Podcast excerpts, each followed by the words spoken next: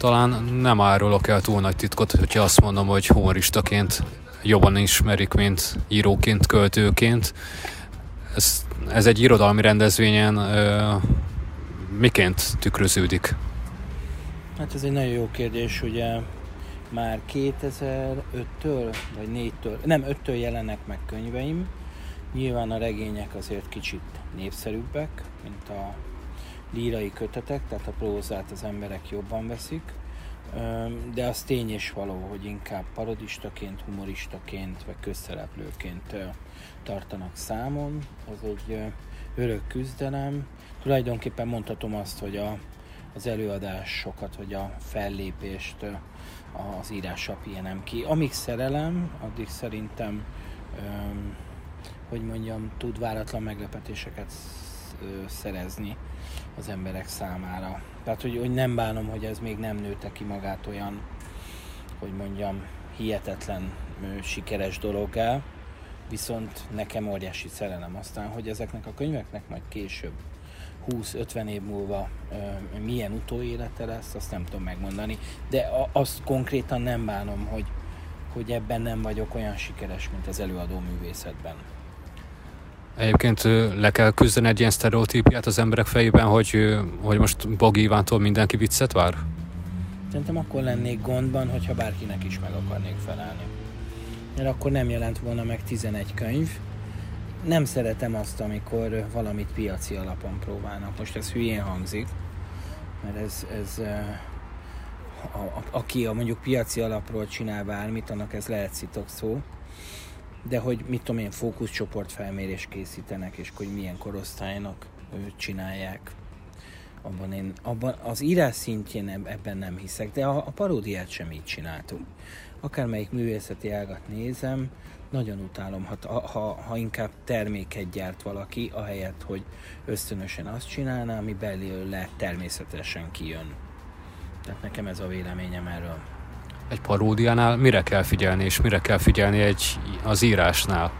Végül is ugyanarra, mind a kettő a megfigyelő képességen alapul, tehát abból indul ki, hogy a legapróbb részletek se kerüljék el az ember figyelmét, hogy a hajszárepedéseket észrevegye a tojáshéjon. Ez az egyik része, tehát fejleszti a, a megfigyelő képességet, kifejező erőt, hogy mit kezdesz azzal. A, nyilván a paródia az reprodukció, valaminek a picit továbbfejlesztett változata, de mégis a tükörképe, görbetükre. Az írás az meg produktív, tehát hogy ott az üres lapra te döntöd el, hogy, hogy, hogy, hogy, hogy miket teremtesz, miket írsz rá arra az üres lapra. Tehát az egyik egy reproduktív műfaj, a másik pedig produktív, e, úgyhogy nyilván másra kell figyelni.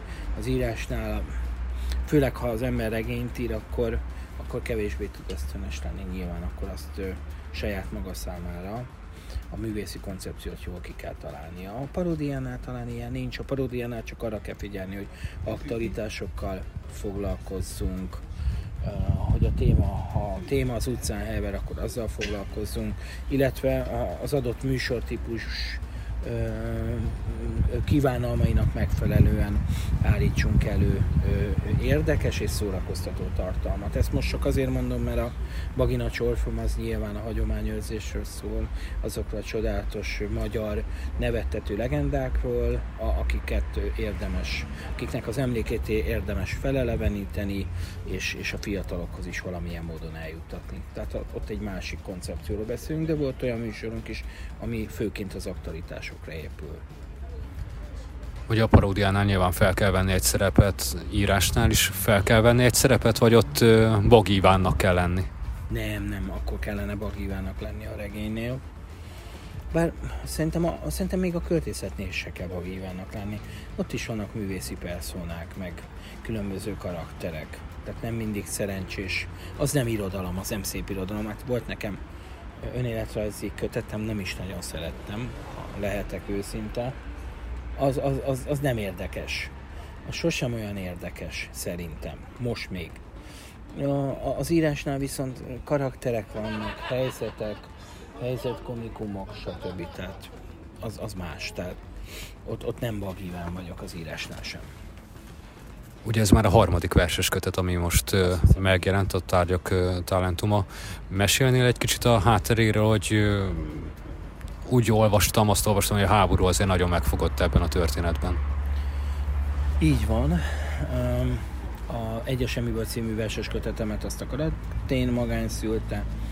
Ezt, ezt még a háború előtt kezdtem el, és azt hittem, hogy majd ösztönösen valami lesz belőle, de nem akartam ciklusokra bontani, tehát semmilyen ilyen határozó struktúra nem szerettem volna neki kitalálni előzetesen, és aztán a háború azért átírta a terveimet, így lett a boldog békeidők, akkor a háború gyilkos szorításában is a kegyelm tömörnyesedik, ugye az a harmadik, ami, amire azt találtam ki, hogy az utolsó ciklusban nem írok bele már semmit, hiszen azt az élet írja majd, de érdekes volt.